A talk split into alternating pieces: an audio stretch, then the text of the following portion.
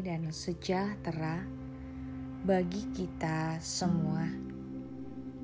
Saudara yang terkasih, hari ini kita akan bersama-sama merenungkan firman Tuhan yang diambil dari Amsal 9 ayat 4 sampai 6 dan dilanjutkan ayat 10.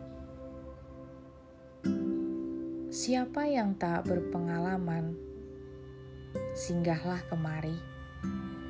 Dan kepada yang tidak berakal budi katanya, Marilah makanlah rotiku, dan minumlah anggur yang telah kucampur.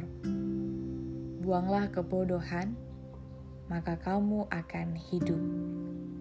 Dan ikutilah jalan pengertian Permulaan hikmat adalah takut akan Tuhan, dan mengenal Yang Maha Kudus adalah pengertian. Berhikmat atau bodoh, hidup adalah pilihan.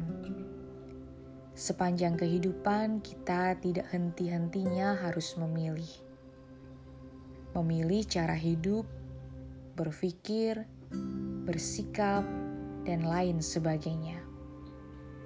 Menurut Amsal pun kita diperhadapkan dengan dua pilihan utama, yaitu menjadi orang berhikmat atau menjadi orang bebal.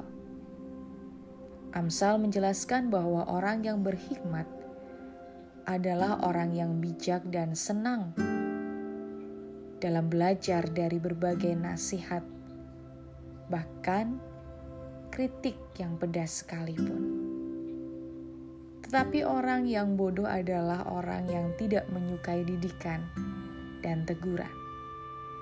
Dan puncaknya, penulis Amsal ingin mengingatkan kita semua bahwa hikmat hanya bisa kita miliki ketika kita memiliki sikap hati yang takut akan Tuhan. Lalu pertanyaan reflektif untuk kita saat ini. Saudara dan saya mau memilih menjadi orang berhikmat atau menjadi orang bodoh. Orang berhikmat adalah orang yang memiliki hati takut akan Tuhan.